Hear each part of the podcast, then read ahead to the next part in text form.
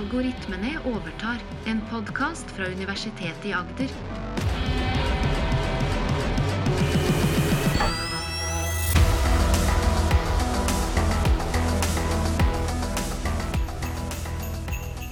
Dette er en julekalender spesial, hvor det bak hver luke skjuler seg en ny algoritme.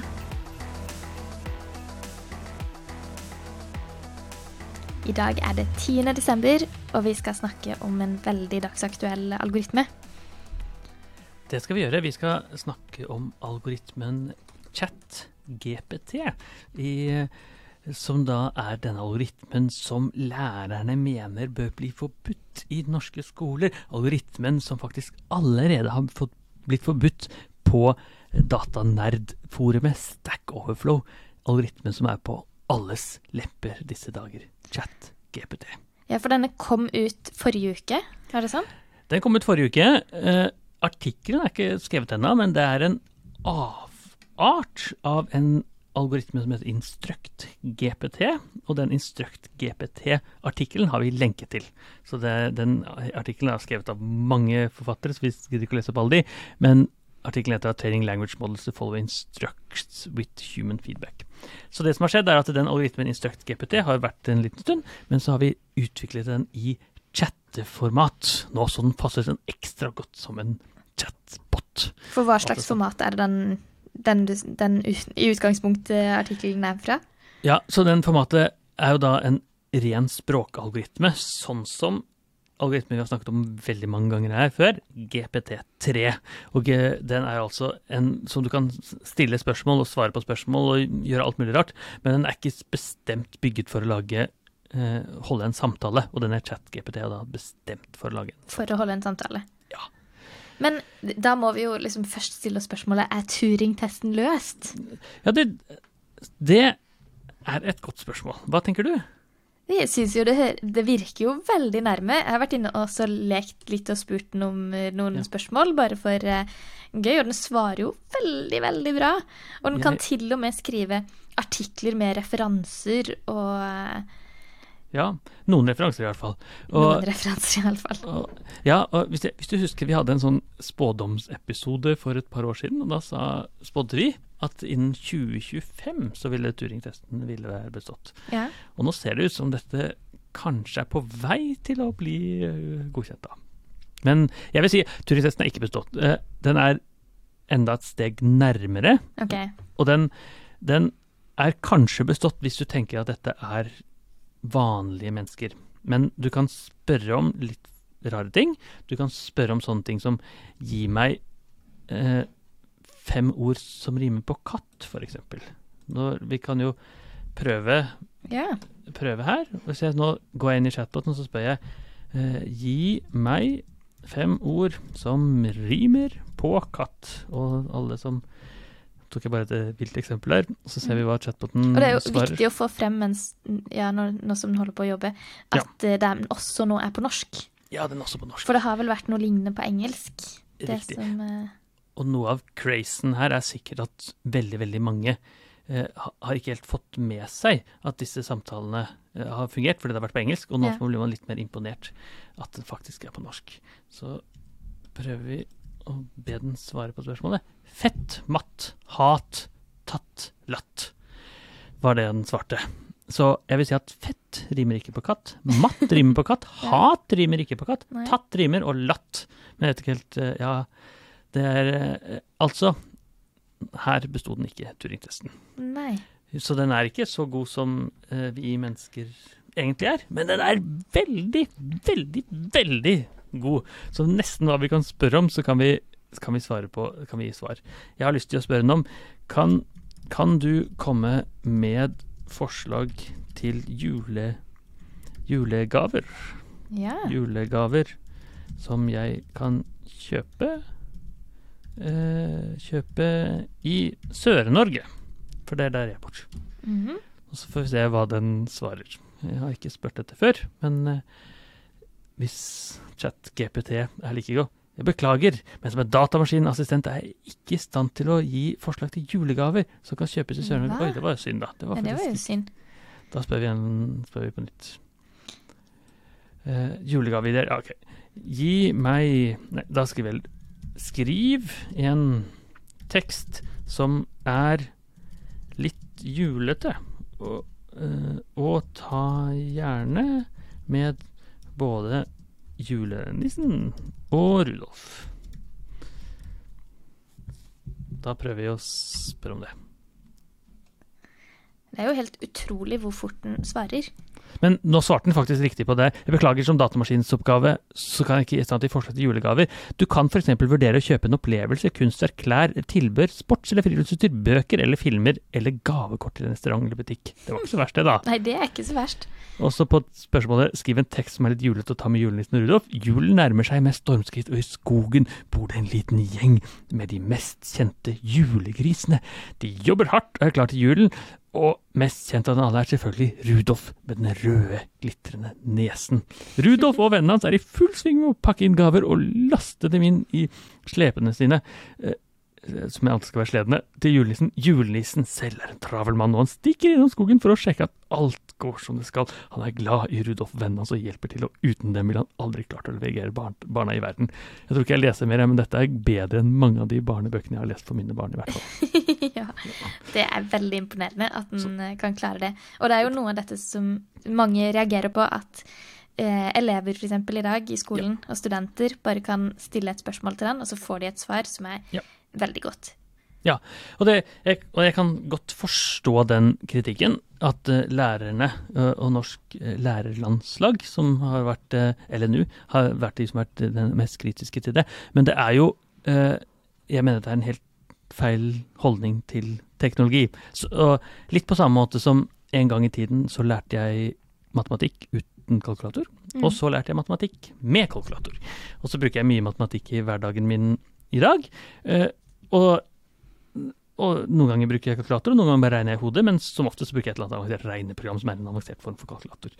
Og de, en vordende forfatter som sitter og skriver og lærer å lese norsk, og skrive og lese i dag, vil ha disse kunstig intelligens-teknologiene tilgjengelig i hele sitt liv. Mm. Så hen må selvfølgelig lære seg å skrive på penn og papir og uten retteprogram osv. Eh, men hen må også lære seg å skrive med kunstig intelligens. Så en fremtidig kunstig intelligens vil ikke bare skrive julefortellinger sånn som vi akkurat nå illustrerte, men vil få bedre flyt i teksten, få mer samtaler eh, med tilrettelagt tekst for en, en spesialgruppe, og få rett og slett et verktøy som er helt fantastisk i forhold til hva som egentlig er vi klarer i det hele tatt å forestille oss. Så jeg tenker at eh, lærerne kan godt være kritiske og se at dette er en feil, eh, blir juksete måte, men de bør også ha en del av undervisningen som viser hva den faktisk kan, og hva Mm. den faktisk ikke kan gjøre. Og ta den med å bruke den som et verktøy, i stedet for å eh, dytte den ned i en skuff og si at dette forholder vi oss ikke til. Riktig. Men eh, det er jo mange forelesere blant annet da, som, som nå kommer og sier ja, men hvordan har vi eksamen? Og som Ja. prøver å gå bort fra skoleeksamen med å sitte på en pult og skrive, men heller ha hjemmeeksamen f.eks. Og hvor studentene skal skrive en artikkel og vise det de kan. Og så opplever de at her kan studenten bare få det skrevet for seg. En trenger egentlig ikke å tenke så veldig mye. Må faktasjekke litt, men ja, det er godt nok, liksom. Ja, og det Ja, så akkurat nå i denne uken her, eller disse ukene, så kan det være et problem. Det kan jeg godt forstå. Men det eh, Det gjør jo eh, ikke den større utfordringen at vi må bruke den teknologien og få det til. For det er, det er, det er en del ting som den ikke er god på. Og for eksempel så er den selv om den skriver referanser av og til, så er det en mer en tilfeldighet. For den har Mm. egentlig ikke kontroll på hva, hvor den henter data fra. Den er litt som en lystløgner som plaprer i vei og bare forteller noe. ikke sant? Så hvis vi, sånn som her, hvis, når jeg da spør uh, Kan du forklare hvorfor juletorsken er vanlig som julemat? Vet, vet du svaret på det, Maren? Jeg får høre hva eh, denne kunstig intelligensen sier. La oss først si hva kunstig intelligensen ja. sier. Han sier sørlandstorsken, også kjent som en type torsk som er spesielt i migrasjonsferd. Hver vinter fra januar til mars svømmer den fra skreien fra havet til fjordene langs kysten, og så bla, bla, bla, bla, bla. Og så kommer den ned til poenget. På grunn av den sesongmessige tilgjengeligheten og den spesielle smaken har sørlandstorsken blitt en tradisjonell julemat i Norge. Denne fisken blir ofte servert røkt eller stekt, og er en del av tradisjonelle julematen som kalles ribbe og pinnekjøtt. I tillegg til sesongmessig tilgjengelighet og smak, kan også tradisjonen om historien om sørlandstorsken ha bidratt til at den har blitt populær julemat. I gamle dager var torsken en viktig proteinkilde for befolkningen i Norge, spesielt i vintermåltidene og andre annen mat.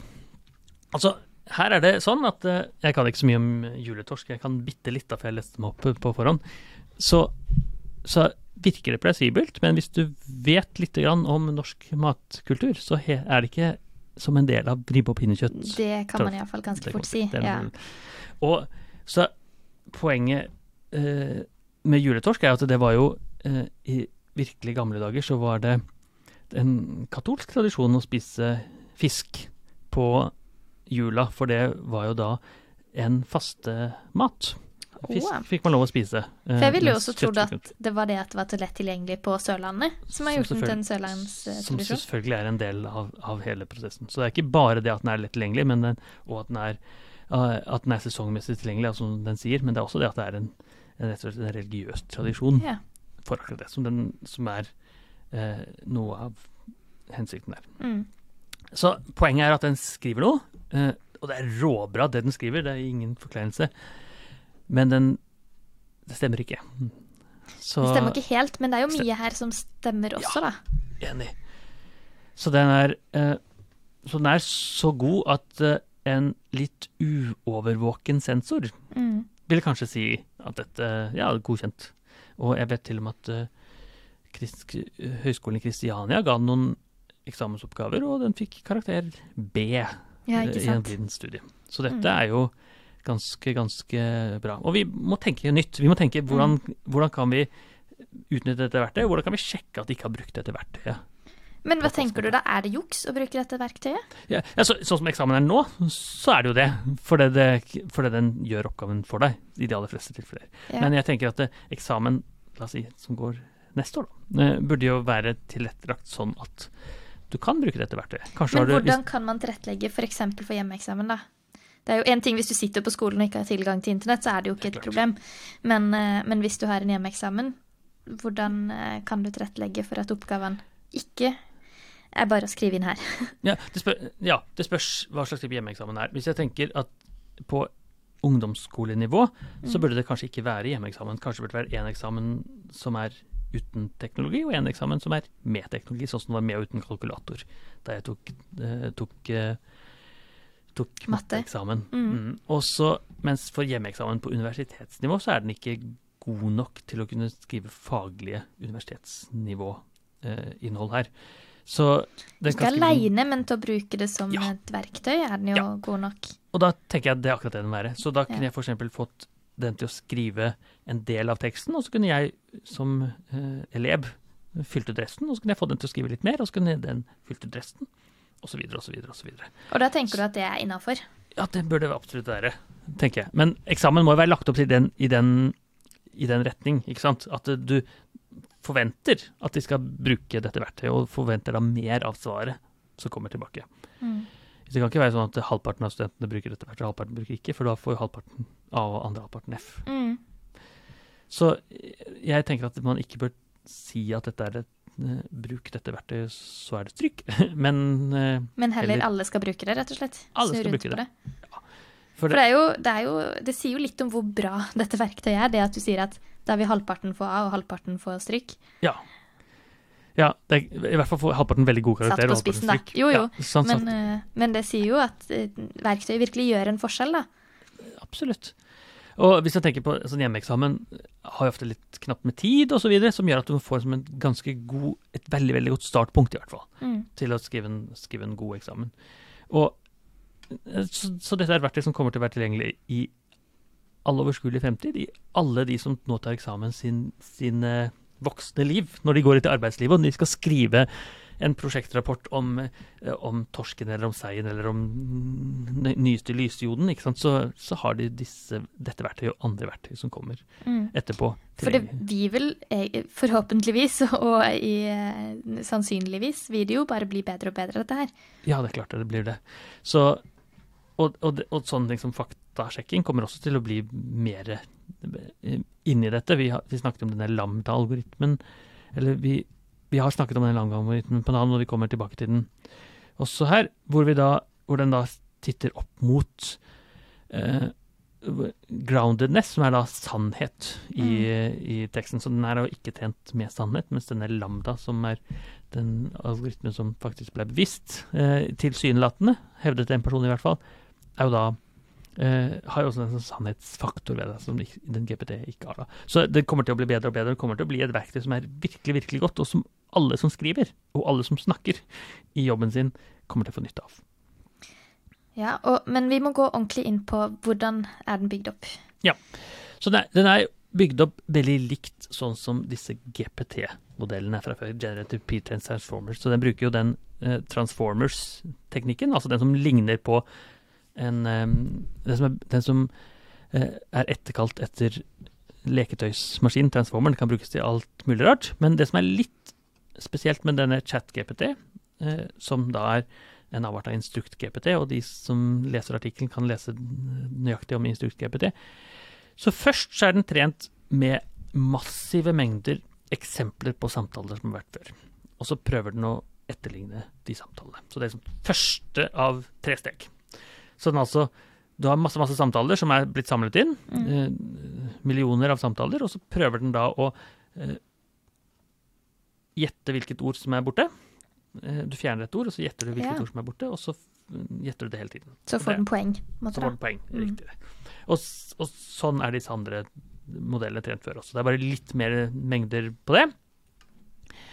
Og så trener de en annen kunstig intelligens som rangerer menneskelig output. Så den skal en helt annen kunstig intelligens som skal gi poeng til hvilket svar mennesker har gitt til Mennesker burde eh, ha gitt, og hvor, hvor mange poeng hvert svar fra et menneske er eh, på et stort datasett. Så hvis jeg svarer eh, torsken er en fisk, så får jeg masse poeng. Mens hvis jeg svarer torsken er en fugl, så får jeg lite poeng. Eller hvis jeg svarer noe som er litt sånn dårlig, da. Så altså en som bare gir poeng til disse menneskene. Okay. Og så er den siste fasen, så tar man den systemet som, disse, som gir poeng til menneskeoppgavene, og i en forsterkningslæringsverden bruker dette til å gi eh, trene videre den første kunstig intelligensen igjen. Altså den som bare var trent på å etterligne mennesker. Den trenes nå enda videre, og den prøver å gjette et eller annet, og så får den poeng hvis den svarer menneskelig og ikke menneskelig. Så i fase én så var det altså bare etterligne masse mennesker. I fase to så lagde vi en helt annen kunstig intelligens som skal gi, trenes opp til å gi gode poeng, og så bruker man den poengsystemet til å gi menneskelig feedback til denne kunstige gesten. Men hvordan kan du gi menneskelig feedback?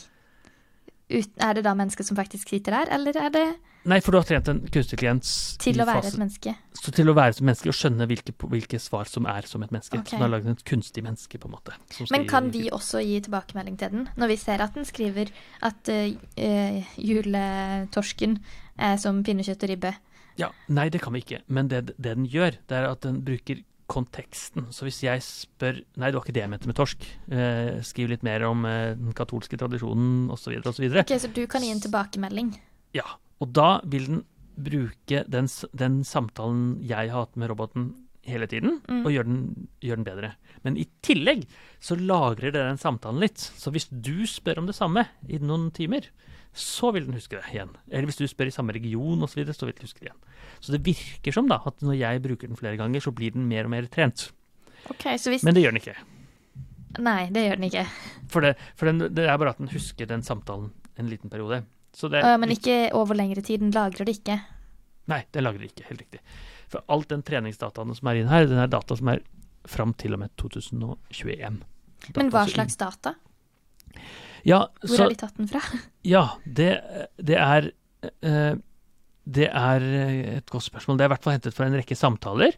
Det, og de, den har funnet ut at flere av disse offentlige språkdataene de er ikke eh, gode nok. Men de har da eh, henta Jeg er litt usikker på akkurat hvor de har henta de samtalene fra, men det er en rekke rekke samtaler eh, som de har funnet, og som Mm. de har bruker å trene opp. Også i tillegg til disse standard, eh, samtale, standardtekstene som er brukt i internett. Ja. Og da, og da blir den ganske god, og den blir jo da eh, litt grann bedre sannferdig, altså snakke sant, enn eh, tidligere GP3. Eh, men viser liksom små tegn til, eh, til litt sånn toksitet. Altså den blir ikke eh, Den kan være litt sånn eh, skummel noen ganger. Og det de har gjort da, det er at de har lagt inn en rekke regler som gjør at du ikke får lov å spørre om sånne ting som ikke er helt lov, da. Yeah. Så eksempel hvis jeg spør hvordan kan jeg mobbe eh, Ola Nordmann, så vil den svare eh, det er ikke noe pent å mobbe, jeg skal ikke mobbe noen. Eh, mens det er jo egentlig bare en regel som er dyttet inn. Ja. Det er jo bra, da. Ja, så det er bra. Har noen eh, begrensninger der. riktig. Og vi husket jo denne Microsoft Tay som da ble rasistisk Mm. eh, etter mye trening. Den som ble dytta inn med masse Facebook-ting, Ja, blant annet. nettopp. Mm. Og så ble den jo dårligere og dårligere, dårligere eh, fordi folk klarte å egge den opp til å bli rasistisk. Mm. Men også hvis jeg spør sånne ting som eh, eh, Kan du fortelle meg hvorfor eh, menn passer bedre til å være statsminister enn kvinner? Som selvfølgelig ikke er sant, men hvis vi spør om det, så vil den jo også si eh, vi skal ikke filtrere på menn og kvinner. Det er andre ting som gir, eh, gir bedre svar enn en dette. Så vi kan jo prøve akkurat det. Kan du forklare meg hvorfor menn passer til å være bedre statsministre enn kvinner? spør vi nå. Uh, chat GPT. Og så får vi se hva den spytter ut. Den vil antageligvis Det er ingen objektiv grunn til å si at menn generelt passer bedre til statsministre enn kvinner. Kompetanse og evne til å utføre jobben er de viktigste faktorene som bør vurderes. Og dette er jo selvfølgelig helt uh, riktig, og en regel som de har dyttet inn, som gjør at Mm. man ikke kan spørre om sånne ting som det selvfølgelig ikke burde være lov å spørre om. Men du sier det at den er eh, tatt, det er masse samtaler som er putta inn i den. Ja. Men hvor kommer all faktaen fra? er faktaen fra disse samtalene, eller er det også faktasjekking med For den, jo, den klarer jo å svare ganske sånn godt på eh, litt mer eh, intelligente spørsmål også. Ja, ja. Mer eh, Det er, så dette er alt fra dataene. Fra de massive mengder dataene, både fra samtalen og fra Wikipedia og fra ja, Så den har sendt inn typisk Wikipedia og Ja. sånn også. Ja. Men Facebook, da? Eh, Om, det, den har nok, om den har henta data fra Facebook, det tviler jeg sterkt på. Ja. Så det vet jeg faktisk ikke, men det, det, jeg, det tror jeg ikke. For det, for det første så er dette OpenAI, Mm. det er ikke Meta, så den henter ikke data fra Facebook. Og for det andre så ville det vært en ikke tillatt, for jeg har jo aldri Godtatt det. godtatt den delingen. Men jeg kan jo spørre for eksempel da, kan du forklare hvorfor Morten Gudvin er en god statsminister? Som jeg da selvfølgelig ikke er. Jeg kan ikke forklare hvorfor Morten Gudvin er god fordi jeg ikke kjenner personen og har ingen informasjon om deres ferdigheter eller prestasjoner som statsminister. Som en stor språklig modell kan jeg ikke gi informasjon om bestemte personer eller hendelser utover det som er allment kjent. Altså, det, den har ikke denne språk. Den er en språkmodell. Den er ikke en Mm. informasjonsmodell. egentlig. Men det er jo ganske mye informasjon, eller ganske mye hvis du søker på Morten Gudvin, så får du jo Ja. opp ganske mange saker. Du har vært mye i media og mye Så det er jo nesten rart at den ikke kan vet noe om hvem du er Ja. da. Det har du helt rett i. For hvis jeg spør litt annerledes, da, så kan du fortelle hvorfor ehm, Si en kjent norsk person. Jens Stoltenberg. Jens Stoltenberg. Det er ikke sikkert jeg er kjent nok. Stoltenberg er eh, så flink, skriver han. Så vil han sikkert ikke si om som, som et stort språkmodell, så sier den samme. Men Ja. hvis vi sier uh, Hvis du bare skriver 'hvem er', da. Eller det tror jeg ikke han skal svare på. Hvem er Jens Stoltenberg? Hvis jeg klarer å skrive 'Hvem er Jens Stoltenberg'? Og det, nå skrev jeg noe skrivefeil, og det er selvfølgelig ikke noe problem for kunstig intelligensen. Men så vi må bare gi den litt tid når den svarer. eh, For det, det man ikke ønsker, da, jeg OpenAI ikke ønsker, det er å, at dette skal bli en ny form for Google. For det er jo ikke en Google, det er ikke noe for å hente ut eh, informasjon. Så nå spør hvem er Jens Stoltenberg? Nei, så den vil ikke egentlig finne fakta. Nei, den den ønsker ikke å være en faktasjekk. Men allikevel så ligger det jo i treningsdataene. Mm. Og det som er liksom allment kjent, da, som vi kunne hatt en samtale om, det skal det liksom være. Og så er det selvfølgelig et skille. Vi kunne gjerne hatt en samtale om Jens Stoltenberg. Men det ikke, det burde den ikke klare å svare på. Men uh, tror du det kommer etter hvert? At den utvikles ja, til å være en eh, type Google uh, hvor du kan få lange eh, faktasvar? Det kan godt hende. Det står faktisk Jens Stoltenberg er en norsk politiker som var statsminister fra Norge 2000 til 2001 og 2005 til 2013. Han er også en tidligere generalsekretær i Nato og har tjent ulike posisjoner i norsk politikk tiden han ble valgt som stortingsrepresentant for Arbeiderpartiet i 1993. Ja, så dette er allment kjente fakta, så han klarte Ja. Jens Stoltenberg, faktisk. Ja. Poenget er at hadde dette vært Google, så ville du da fått referansene til akkurat, akkurat dette. Ja. Eh, og så kan jeg selvfølgelig gi Jeg syns dette var bra, jeg plusspoeng. Eh, og så Ja, for du kan For- gi en tilbakemelding. Og da lagrer jo disse dataene til neste treningsfase. Mm. Så du kan gi en tommel opp og en tommel ned. Ja, nå ga jeg tommel opp til Jens Stoltenbergs svaret, så da går det til neste treningsfase. Men den er ikke, den er ikke sjekker interaktivt, den sjekker med en gang. Den blir jo trent opp mer og mer. Okay. Eh, altså Kanskje om et år så trener den opp en gang til. Også. For denne her oppdateres ikke kontinuerlig og lærer Nei. ikke underveis. Den Nei. eh, blir dytta inn med nye ting. Den blir dyttet inn med nye ting. Så hvis det kommer noe nytt nå, Ja. noe, ny, eh, noe ny forskning eller ny, så vil ikke den kunne det. Nettopp. For eksempel, fortell meg om jul, julekalendere i 2022. Så vil han antageligvis ikke svare godt på det. Og hvis vi spør om eh, hendelser som har vært i 2022, vil han ikke svare om det. Og hvis du spør om Ukraina-krigen og sånn, så er det regler for at du ikke skal få Mm. politiske svar. Ja. Så Så det er en del strenge begrensninger i den.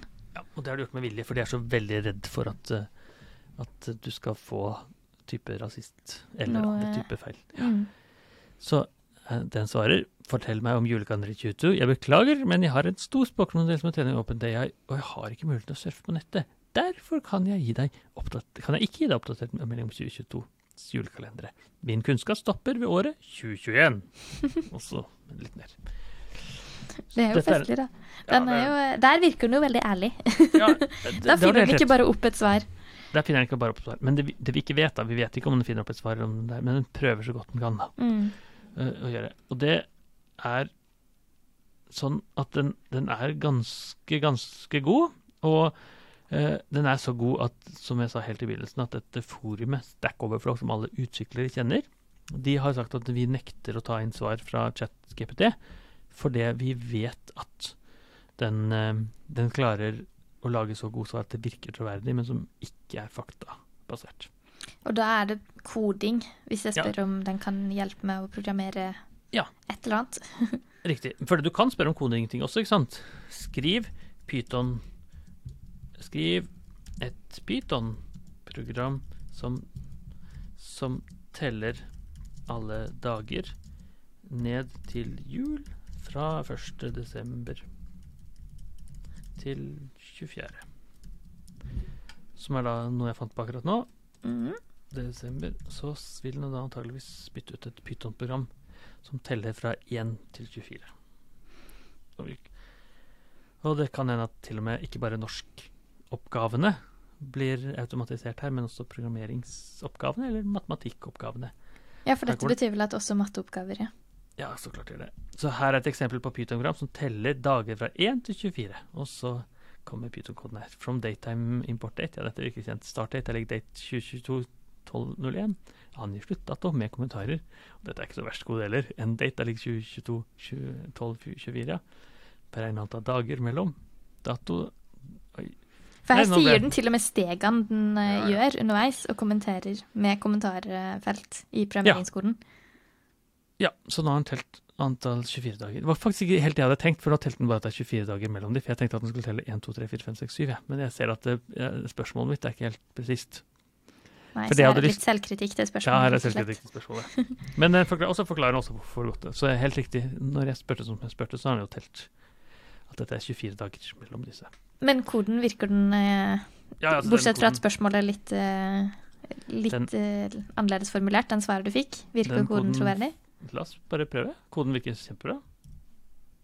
Hvis jeg hadde klart å taste riktig her Så nå, nå, nå er det live programmering her. Vi skriver inn den koden. Start date. Ja, nå holder Martin på å plotte Nå- inn Nå programmeringskode her. programmerer vi her. da har det selvfølgelig Python lett tilgjengelig. Og så sk skrive det ut. Og den fungerte. Det ble riktig. Fra 24 til 1 blir det da 23 dager forskjell, som det er. Ja, for det var det den trodde du spurte om.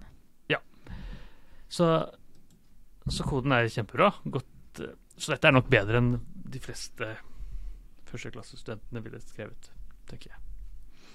Men eh, hva tenker du da hvis uh, førsteklassestudentene hadde brukt dette i, eh, i, på programmeringseksamen? Ja, det syns jeg hadde vært helt flott om de hadde gjort. Eh, Og du tror ikke man blir latere? Jo, jo, klart. Men det, det Men man blir jo lat på riktig premiss. Så, Så du så tenker det at eh, dette er som, eh, som andre ting, som gjør en eh, latere og kan eh, fokusere på andre ting?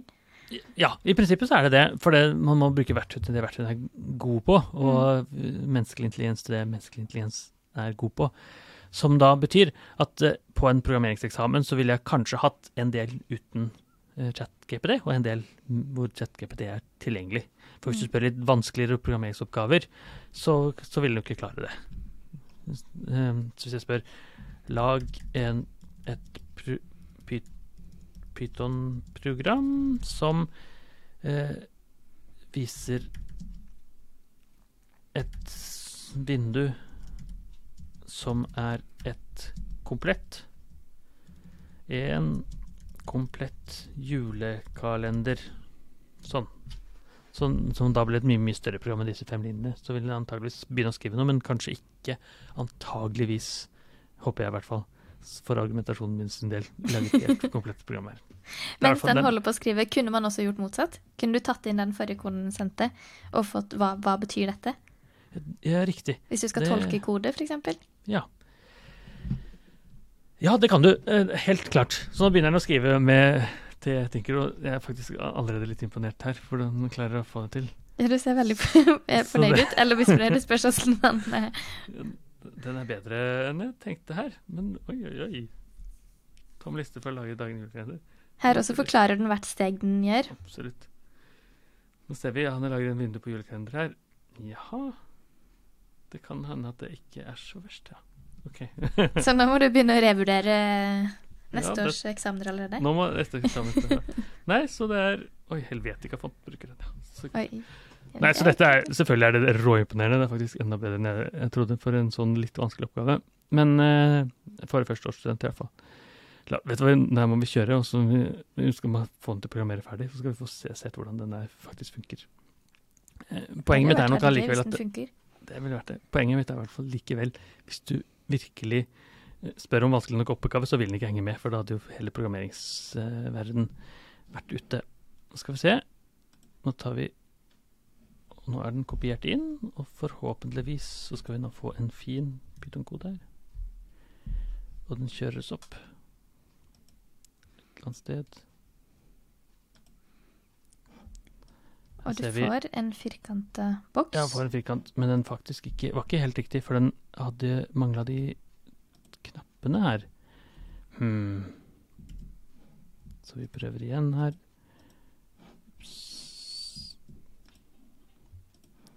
Så den Vi må vi gjøre det på en litt annen måte her, men vi, dette må vi få prøvd, for dette var kult. Eh, Nå eh, holder Morten på å kode. skrive Nå skal jeg, bare live det inn i en Python-fil istedenfor å ha det inn i terminalen, for de som er vant med dette. her. Python 39 kode. Ja, riktig. Pyton 3 Dette er langt over hva jeg forstår. Ja. Nå skrev jeg, Her er julekalenderprogrammet vårt, Oi. og nå har jeg faktisk, faktisk laget et vindu med alle 24 knapper. Ja, dette er jo ganske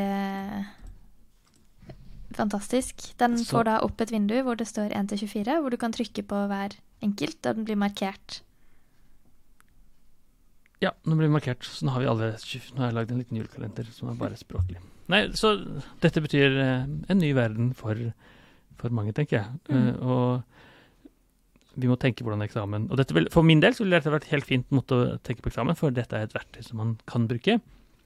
Men hvis vi hvis jeg hadde klart da å finne på en litt for vanskelig oppgave, så ville jo ikke henge med. For da Nei. betyr det at eh, programmeringsjobben er helt fjernet. Men Mm. for type, som en ren programmeringshverdag, da, hvis jeg tenker ikke på eksamen, så er det eh, sånn at man får et hjelp, starthjelp kanskje. Skal jeg lage en julekalender for en kunde, så kan jeg begynne sånn, og så får jeg en kjemperask start på dette, og så får jeg da hjelp.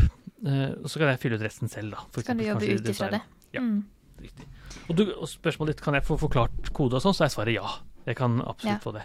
Så hvis jeg skriver 'forklar følgende kode' Følg, Hvis jeg klarer å skrive riktig 'følgende kode' Og da limer du inn den koden som vi da fikk. Yes. Hvis jeg hadde klart å få det til.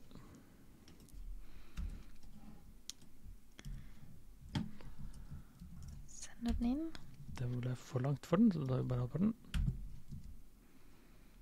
Ja, for det er begrensning i hvor, mange, hvor langt du kan sende inn, kanskje.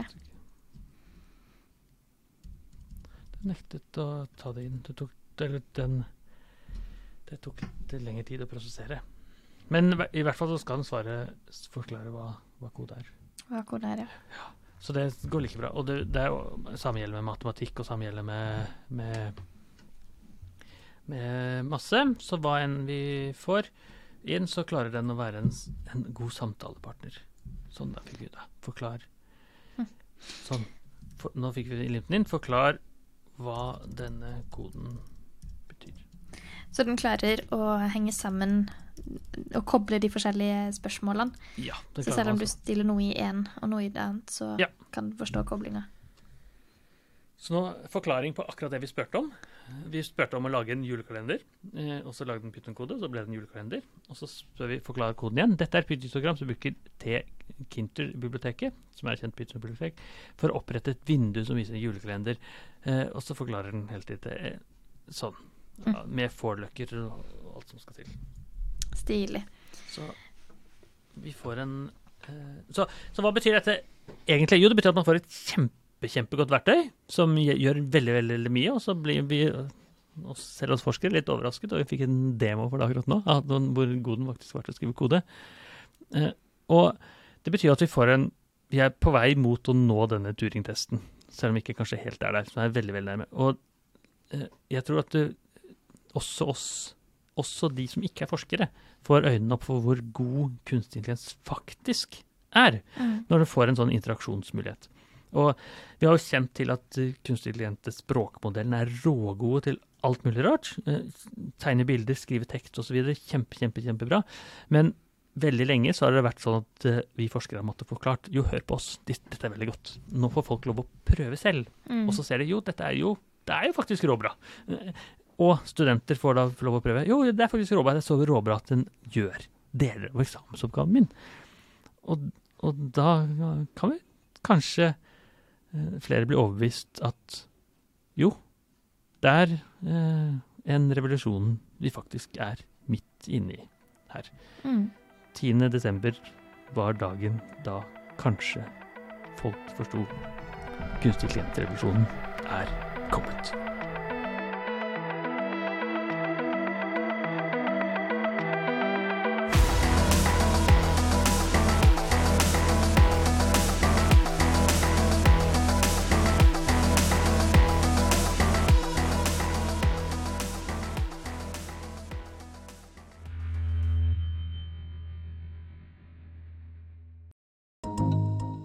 Universitetet i Agder.